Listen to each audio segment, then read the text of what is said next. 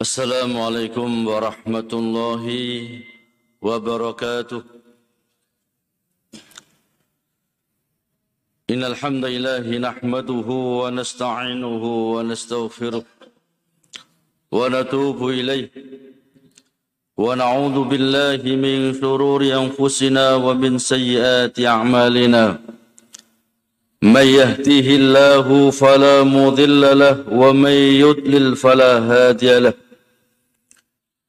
أشهد أن لا إله إلا الله وحده لا شريك له وأشهد أن محمدا عبده ورسوله اللهم صل وسلم وبارك على نبينا محمد وعلى آله وصحبه أجمعين وبعده Jamaah subuh yang semoga dirahmati oleh Allah Subhanahu wa taala. Alhamdulillah. Kita memuji dan bersyukur kepada Allah Subhanahu wa taala atas melimpah nikmat dan karunia yang telah Allah limpahkan kepada kita. Salawat dan salam semoga tetap tercurahkan kepada junjungan Nabi kita Muhammad sallallahu alaihi wasallam kepada keluarga beliau, para sahabat beliau dan umat yang senantiasa istiqamah di dalam menempuh jejak beliau yaumil qiyamah. Jamaah rahimakumullah, kita lanjutkan kajian kitab Syarah Kasfus Subhat yang mana pada pekan yang lalu kita memasuki halaman 54 yakni perkataan al-muallif al-imam Muhammad ibn Abdul Wahab at-Tamimi batilin bi hujjatin illa wa fil qur'ani ma yanquduha wa yubayyinu butlanaha. Tidaklah orang-orang sesat itu mendatangkan dalil untuk mendukung kesesatannya kecuali di dalam Al-Quran telah Allah sebutkan ma yang kuduha bantan-bantannya wa yubayyinu butlana sekaligus Allah jelaskan tentang kebatilan dari orang-orang sesat itu. Jadi ketika orang-orang ahli ahli batil orang-orang yang memiliki prinsip-prinsip kesyirikan ataupun memiliki penyimpangan-penyimpangan kadang-kadang mereka juga menggunakan dalil. Cuman di dalam Al-Quran Allah telah sebutkan tentang bantahan atas ucapan-ucapan mereka. Sekaligus membatalkan apa yang selama ini mereka kukui. Nanti akan disebutkan contoh-contohnya. Termasuk ketika mereka orang-orang yang senang bertawasul dengan orang-orang yang telah mati, mereka memiliki dalil, mereka memiliki subhat. Kalau kita anggap ada subhat, bahwasanya mereka orang-orang yang ditawasuli yang telah meninggal itu, mereka orang-orang soleh. Mereka orang-orang yang sangat dekat dengan Allah. Sedangkan dirinya banyak berbuat dosa. Makanya kalau minta langsung kepada Allah nggak akan diterima oleh Allah. Harus lewat kepada orang-orang yang soleh yang telah meninggal. Maka dijelaskan dengan rinci oleh Allah dalam Al-Quranul Karim. Maka fanakul kata beliau. Maka kami katakan. Jawab alil batil min tariqaini. Mujmalun wa, mumas. Maka kami katakan untuk bantan atas orang-orang ahli batil itu dengan dua cara, dengan dua jalan. Yang pertama mujmalun dengan global. Jawaban dengan global. Yang kedua wa mumassilun ya wa mufassilun dengan rinci. Amal mujmal ada jawaban secara global bahwa amrul azim wal fa'idatul kabir liman aqalaha Ini ada perkara yang sangat agung. Faidah yang sangat besar bagi orang yang mau memfikirkannya.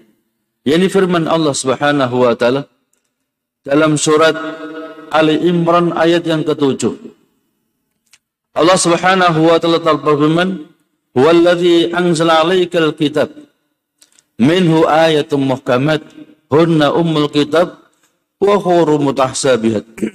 Fa amal ladzina fi qulubihim zaygun fayattabi'una ma tasaba minhu ibtigha al-fitnah wa ibtigha ta'wilih wa ma ya'lamu. Allah telah berfirman dan ini sebagai bantahan secara global, secara umum. Allah berfirman dalam surat Ali Imran ayat yang ketujuh, Dialah Allah yang telah menurunkan kitab Al-Quran kepada engkau Muhammad. Di antaranya ada ayat-ayat yang muhkamat, yang jelas, yang rinci. Dijelaskan tentang bagaimana cara ya ini jual beli yang benar, cara hutang piutang yang benar, dijelaskan rinci, muhkamat. Hunna umul kitab, itulah pokok-pokok dalam Al-Quran wa ukharu mutasabihat. Tetapi sebagian yang lain ada yang mutasabihat. Bisa ditarik kanan, bisa ditarik kiri. Ataupun sulit untuk difahami. Kecuali orang-orang yang betul dalam ilmunya. Atau bahkan tidak ada yang tahu kecuali Allah. Contoh alif lam mim. Tidak ada yang tahu siapa apa pun ya, siapa pun tidak yang tahu tentang arti makna dari alif lam mim kecuali hanya Allah Subhanahu wa taala. Itu termasuk ayatun mustabihat. Maka Allah jelaskan, fa ammal ladzina fi qulubihim zaygun, maka adapun orang-orang yang di dalam hatinya ada penyimpangan pada kesesatan, ibtigha ta'wili. Mereka akan ya mengambil mengikuti ayat-ayat yang mutasabihat Bukan melihat dan mengambil ayat-ayat yang muhammad, tetapi mereka mengambil ayat-ayat yang mutasabihat. Apa tujuannya? Ibtigha al-fitnah. Untuk menjadikan fitnah. Waktu ta'wili dan juga untuk mentakwil-tawilkan sesuai dengan keinginan mereka masing-masing. Wa ma ya'lamu ta'wilu illallah. Padahal tidak ada yang tahu tentang ta'wilnya kecuali hanya Allah Subhanahu wa taala. Karena kadang-kadang ya membaca ayat, ya benar yang dibaca ayatnya benar. Ya. Ayatnya benar, surat yang dibaca juga benar, kalimatnya juga benar. Tapi kadang-kadang yuradu bil batil. Ya. Dikehendaki, diinginkan untuk sesuatu yang batil.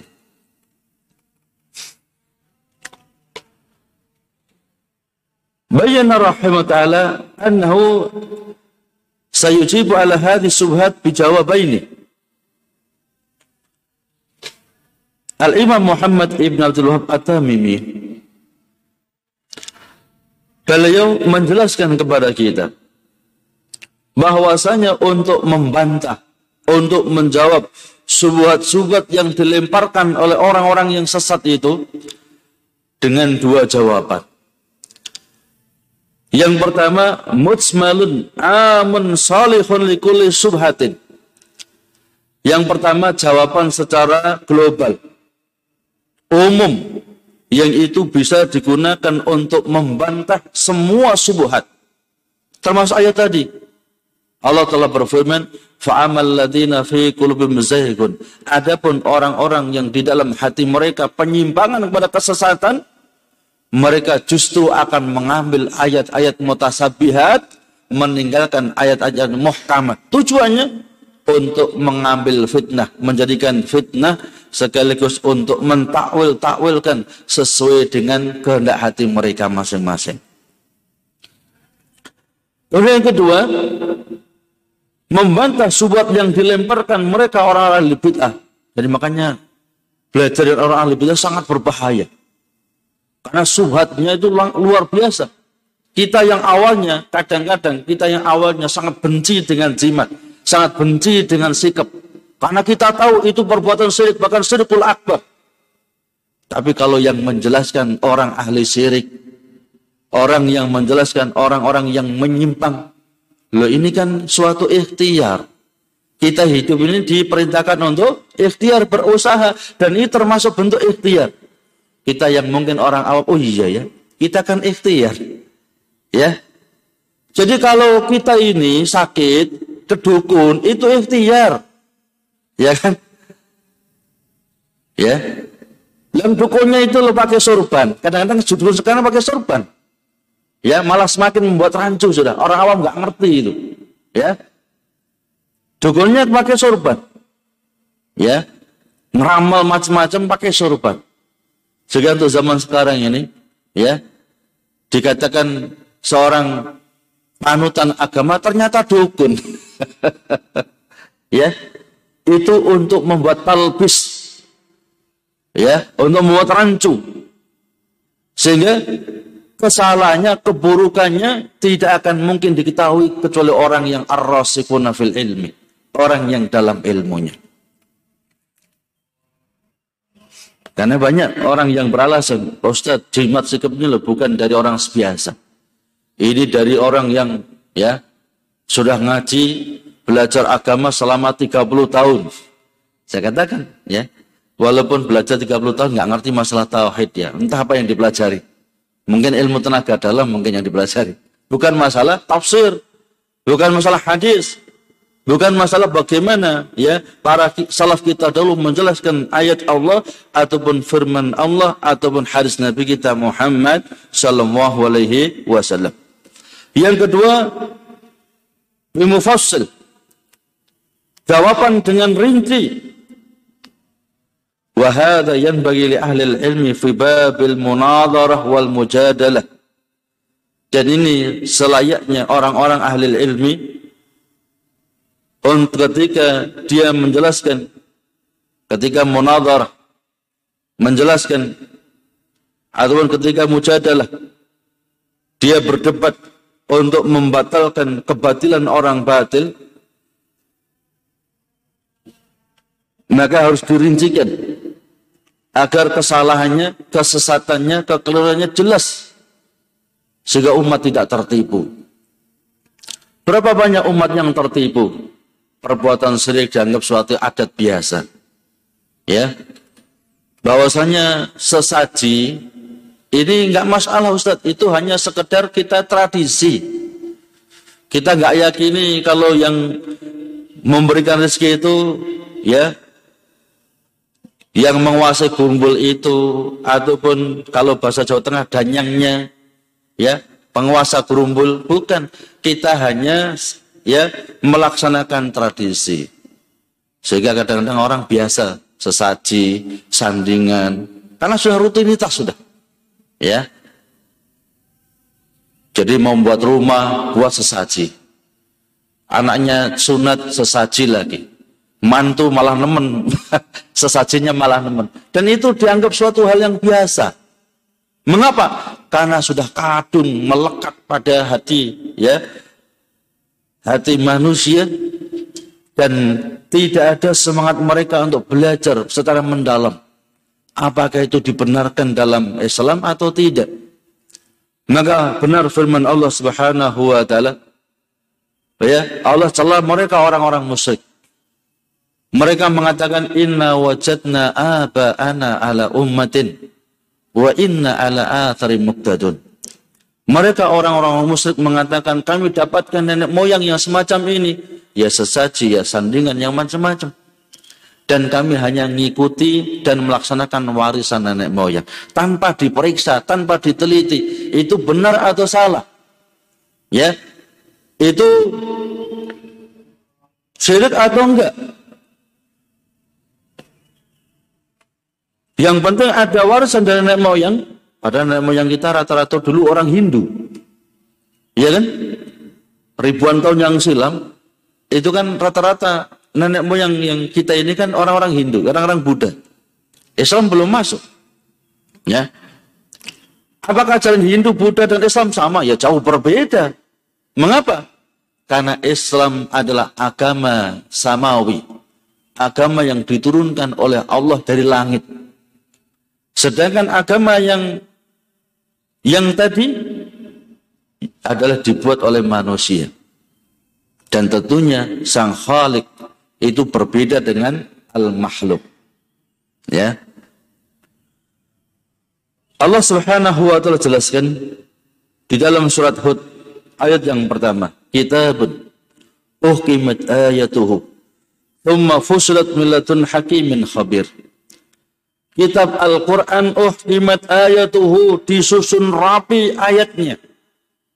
Ya. Kumpulan ayat namanya surat. Disusun rapi oleh Allah Subhanahu wa taala. Thumma fusilat millatun hakimin habir. Kemudian dirincikan, dijelaskan secara rinci dan Al-Quran itu turun dari Allah yang maha hakim, maha bijaksana, sekaligus khabir yang maha teliti. Maka nggak ada pertentangan dalam Al-Quran itu. Ya, Adapun hukum buatan manusia bisa apa itu multi tafsir ya disalit ke sana disalit ke sini ya. Sehingga ini yang berat siapa? Ini bingung kadang-kadang. Tapi itu gak kita dapatkan dalam Al-Quran.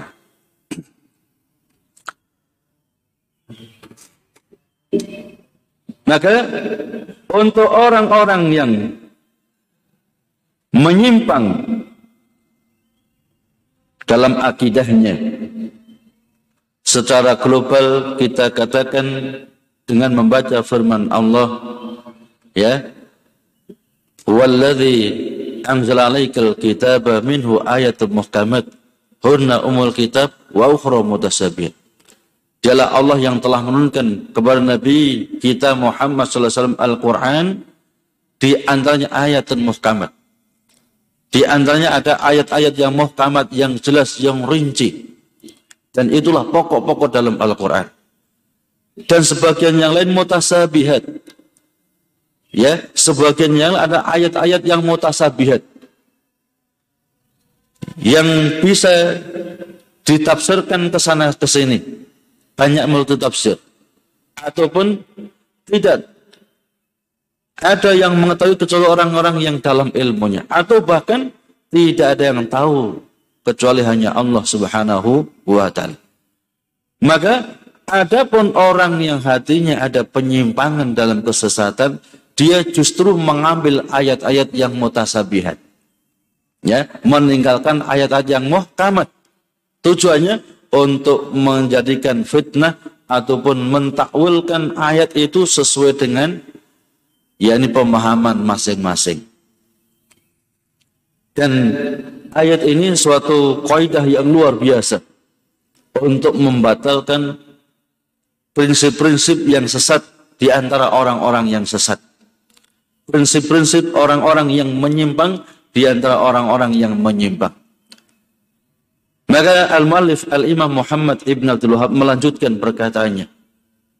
Waqad sahah an Rasulillah sallallahu alaihi wasallam anna qala idza ra'aytum alladhina yattabi'una ma tasaba minhu faulaika alladhina samallahu fahdaruhum fahdaruhum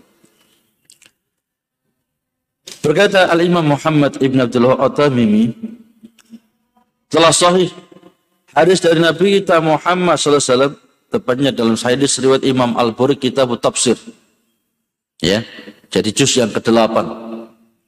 Jadi apa itu sebelum kitab tauhid itu ada kitab tafsir. Ya. Kemudian diakhiri dengan kitab tauhid. Telah sahih dari Nabi kita Muhammad sallallahu alaihi wasallam bahwa Nabi telah bersabda, "Idza ra'aitumul ladzina yattabi'una ma tasaba minhu" Apabila engkau dapatkan ada orang yang mengambil ayat-ayat yang mutasabihat. Faulaika alladzina sammallahu fahdaruhum fahdaruhum. Itulah orang-orang yang disebutkan oleh Allah dalam Al-Qur'an fi qulubin zaygun. Maka hati-hatilah kalian kepada mereka. Hati-hati kalian kepada mereka. Hati-hati kalian kepada mereka. Ya. Seperti orang-orang yang menjelaskan ya firman Allah berkaitan dengan asma wa sifat Allah dengan filsafat ataupun dengan akal. Dan orang awam menganggap itu logika yang bisa diterima. Contoh bahwasanya seseorang yang mengingkari Allah istiwa di atas arsnya itu mereka mengatakan kalau istiwa berarti Allah nempel ya baik duduk atau berdiri atau bersila di atas arsnya. Kalau ars itu jatuh berarti Allah juga ikut jatuh. Kalau demikian Allah butuh kepada makhluk. Ini termasuk ya, termasuk orang-orang yang menyimpang. Karena nggak ada salaf kita yang ngomong semacam itu. Ya. Orang-orang awam akan iya ya. Kalau Allah dikatakan istiwa di atas arsnya, suatu seorang raja duduk di atas kursinya. Kalau kursi diambil kan lempang dia. Jatuh dia.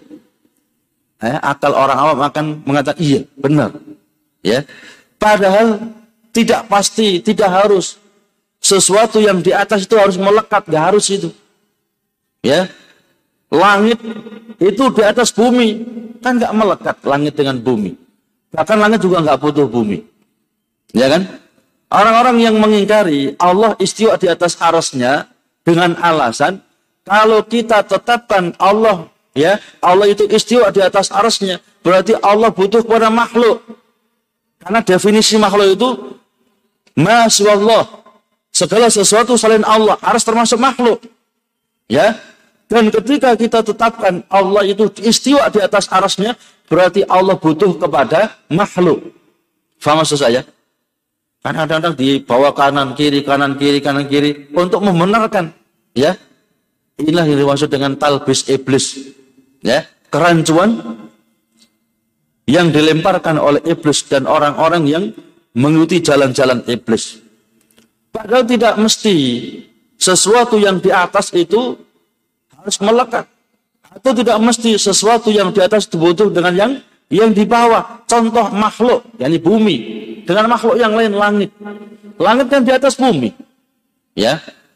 Kita semuanya sepakat langit itu di atas bumi. Sama-sama makhluk. Tetapi kan nggak melazimkan langit nempel bumi. Sekaligus gak melazimkan langit itu butuh kepada bumi. Paham maksud saya? Karena kadang-kadang ya, makanya istiwa itu kita artikan dengan istaula, menguasai. Ya, bukan istiwa seperti terjemahan aslinya bersemayam, tapi kita terjemahkan dengan istaula. Nah, nanti semakin sesat semakin sesat Allah di mana-mana dan macam-macam. Semakin sesat dengan filsafatnya ini. Maka cukuplah kita mengatakan fa'ammal ladzina fi qulubihim zayghun fayattabi'una ma tasaba minhu ibtigha'al fitnah wa ibtigha' ta'wilih. Kemudian wa ammar rasikhuna fil ilmi. Adapun orang yang dalam ilmunya mereka akan mengatakan aman nabi kami beriman kepada semua yang dihabarkan Allah Subhanahu wa taala kullu min indi rabbina. Semua itu ya dari sisi Rabb kami.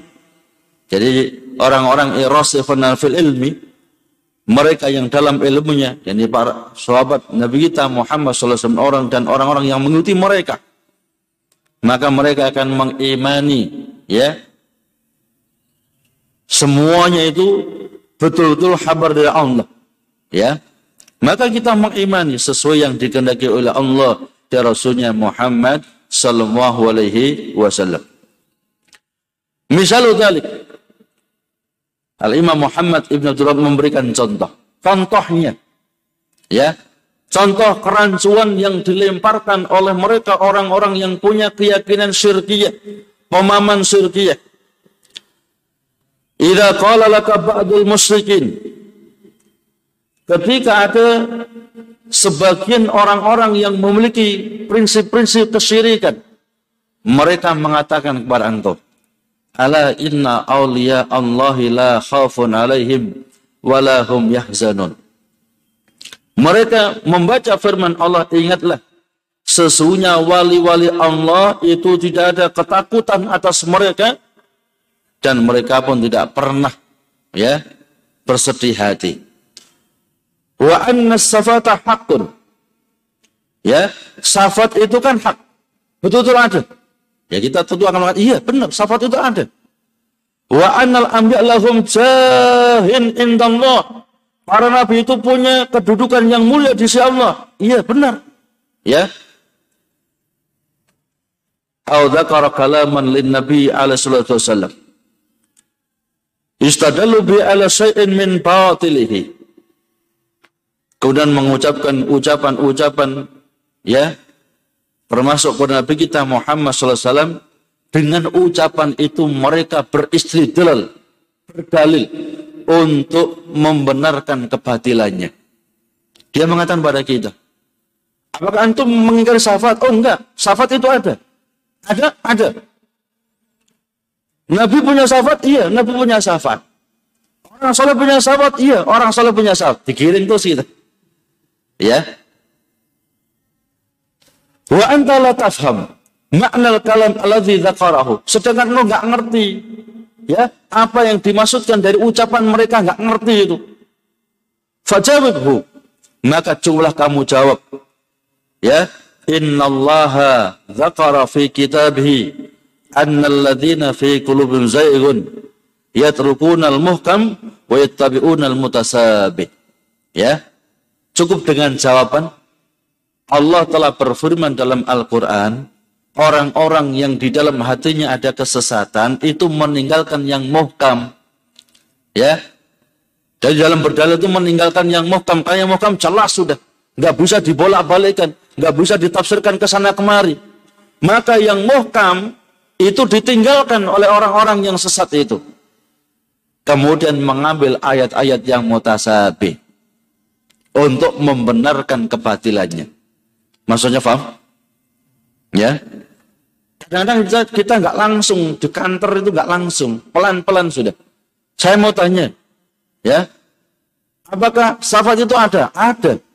Nabi punya syafaat? Iya, Nabi punya syafaat. Ya, orang-orang soleh punya syafaat? Iya, orang-orang soleh bisa memberikan syafaat. Wali-wali Allah bisa memberikan syafaat? Iya. Wali-wali Allah, kekasih Allah bisa memberikan syafaat. Makanya kami datang ke kuburan ini. Ya. Minta agar kami ya dikasihanilah diajak untuk bisa mengikuti mereka. Karena mereka kan orang yang bisa memberikan syafaat. Ya.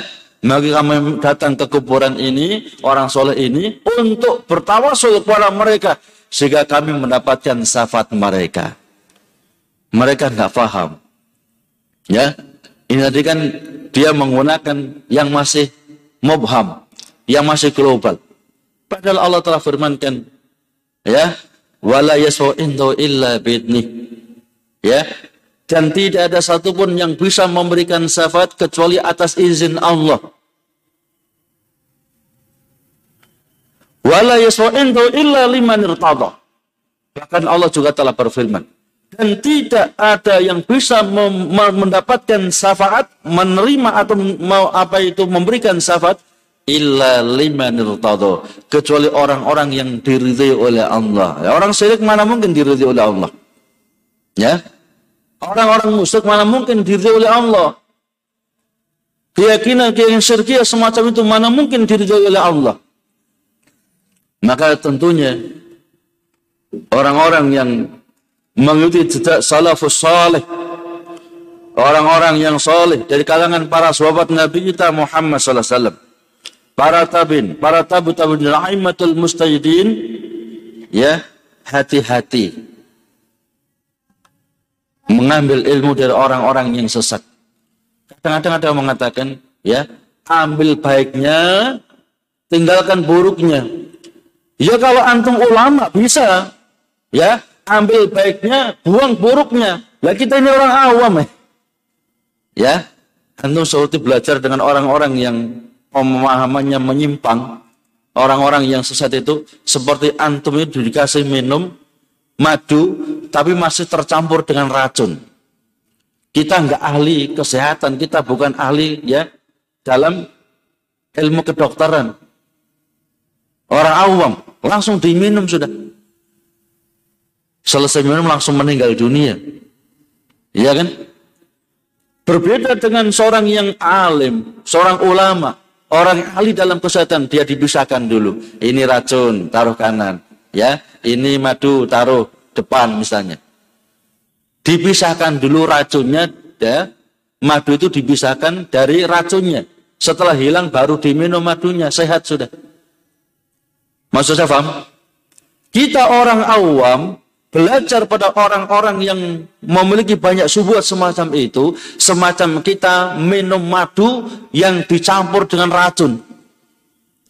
Kita nggak tahu mana madunya, kita nggak tahu mana racunnya, nggak tahu sudah.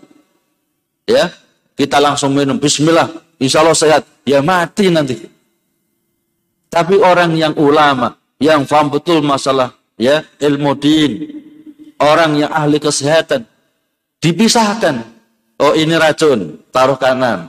Oh ini madu, taruh depan misalnya. Atau sebaliknya, oh ini madu taruh kanan, ini racun taruh kiri. Faham dia untuk yang kiri dibuang ya atau untuk nyemprot penyakit yang kanan diminum sehat itu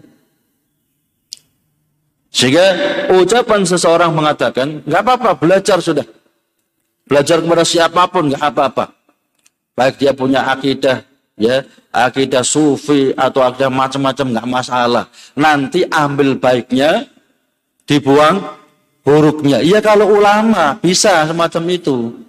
Ya. Antum belajar kitab Ihya Ulumuddin misalnya akan rusak. Mengapa? Karena antum bukan ulama. Ya kalau seorang ulama belajar kitab itu Ihya Ulumuddin dia ngerti, oh ini hadis yang sahih, ini hadis yang hasan, ini sahih li ngerti dia. Ini ada hadis yang mungkar, yang maudhu, la salalahu, dipisahkan. Sehat nanti, baik itu. Karena di kitab itu tercampur luar biasa. Ada dari Sahih Bukhari, ada yang Muslim, ada Tirmidzi, Abu Dawud dan macam-macam. Tapi buahnya hadis-hadis yang mungkar masuk juga di situ. Ya, sehingga ada istilah salat raghaib. Ya, antum mungkin nggak pernah dengar salat raghaib apa itu raghaib?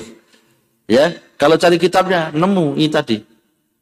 Ya, atau banyak tuntunan-tuntunan yang lain yang sangat banyak. Makanya untuk belajar kitab yang semacam itu harusnya seorang ulama. Dia tahu mana yang sahih, mana yang tidak sahih. Adapun kita orang awam cukup sahih Bukhari, sahih Muslim. Itu luar biasa. Ya, karena kita bukan ulama. Sahih Bukhari dari 7.600 lebih hadis itu hanya empat hadis yang diperdebatkan oleh para ulama kita. Artinya kita nggak perlu nulis satu-satu sudah. Iya kan? Hanya empat dari 7.600 sekian hadis. Tapi kalau Ihya Ulumuddin lebih dari separuh itu.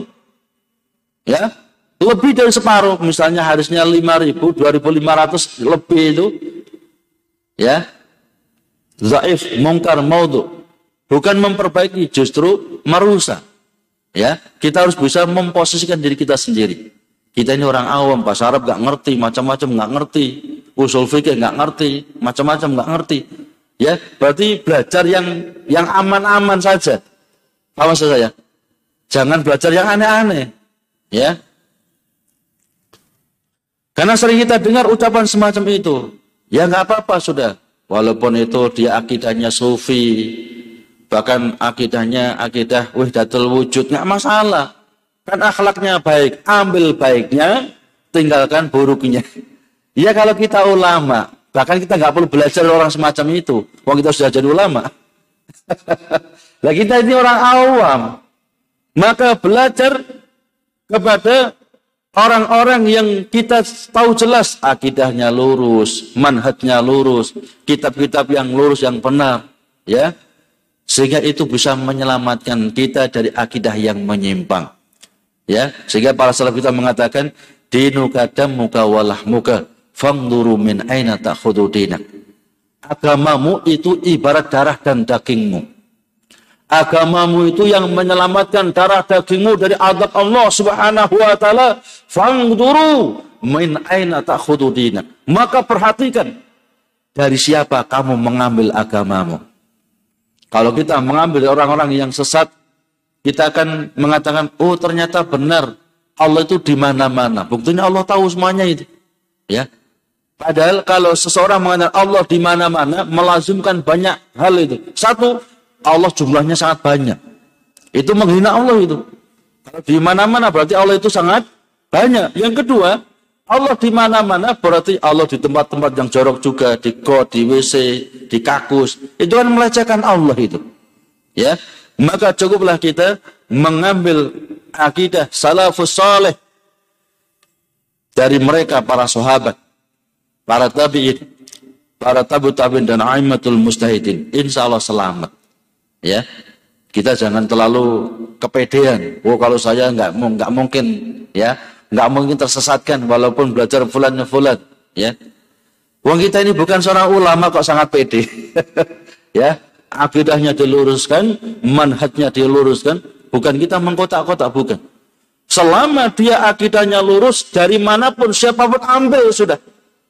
Ya, selama akidahnya lurus, manhajnya lurus, siapa pun dia ambil. Kulitnya hitam, putih, coklat, man ambil sudah. Dari warga negara mana pun ambil dia. Selama akidahnya lurus, manhajnya lurus. Ya. Tapi ketika tidak, maka jangan main api. Kita gampang main api, lama-lama kebakar juga itu. Ya, oh kalau saya Pak Ustadz nggak mungkin terpengaruh walaupun ya saya belajar dari orang-orang sufi. Ya awalnya nggak pengaruh, lama-lama oh benar ya. Ternyata keris itu bukan sirik. Ternyata jimat itu nggak sirik. Mengapa? Itulah talbis iblis. Ya, nanti akan kita sebutkan bagaimana perkataan orang-orang alil batil untuk mendukung kebatilannya. Akan mereka juga membaca Al-Quran.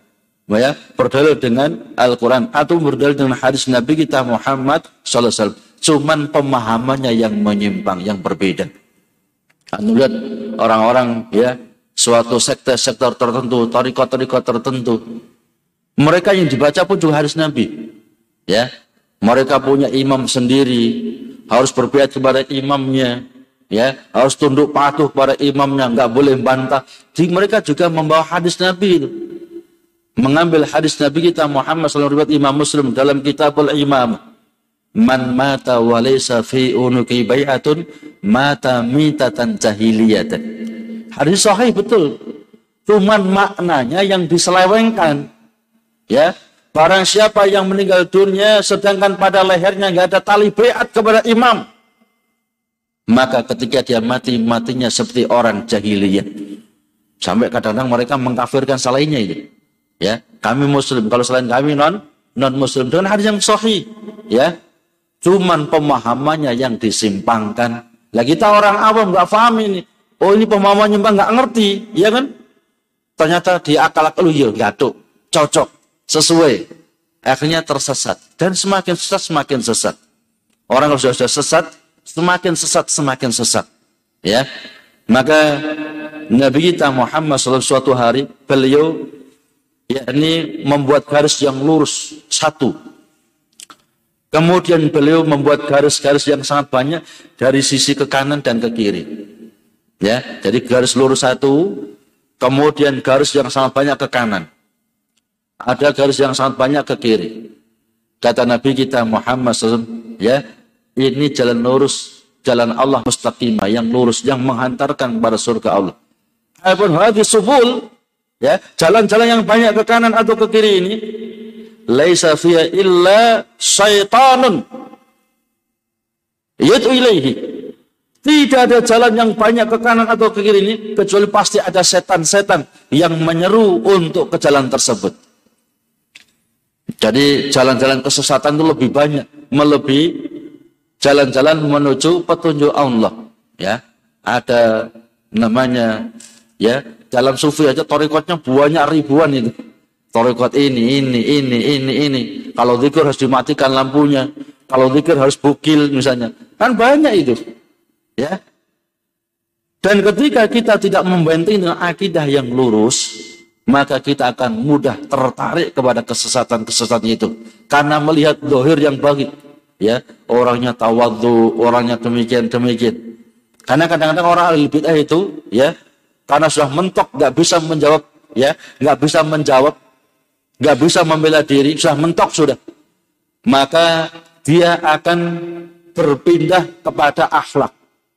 Itu loh katanya sunnah nyatanya yang nggak wawu misalnya. Ya, itu loh sunnah nyatanya. Dia juga kalau nganu ya misah-misah ngotak-ngotak. Kami kalau kuburan bareng, kami kalau ke masjid bareng. Ya, jadi akhlak yang dianukan. Ketika mereka sudah mentok gak bisa jawab, ya, gak bisa membela kebitaannya, kemudian langsung larinya kepada akhlak, ya. Antum ini loh katanya ngaji gini gini gini, kok masih gini, ya. Namanya kita manusia ada ke kekurangannya. Kita kan gak ada yang sempurna itu. Ya, Antum kan gini tapi ternyata terkotak-kotak. Lah kalau kami, kalau ke kuburan, warang sudah, kompak sudah. Ya, kalau ke masjid juga kompak. Apa pun kompak, ya. Atu ayammu juga kompak.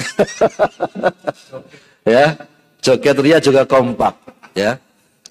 Bahkan bersolat dengan jogetan kompak, masya Allah, ya. Jadi akidah ditanamkan, ya.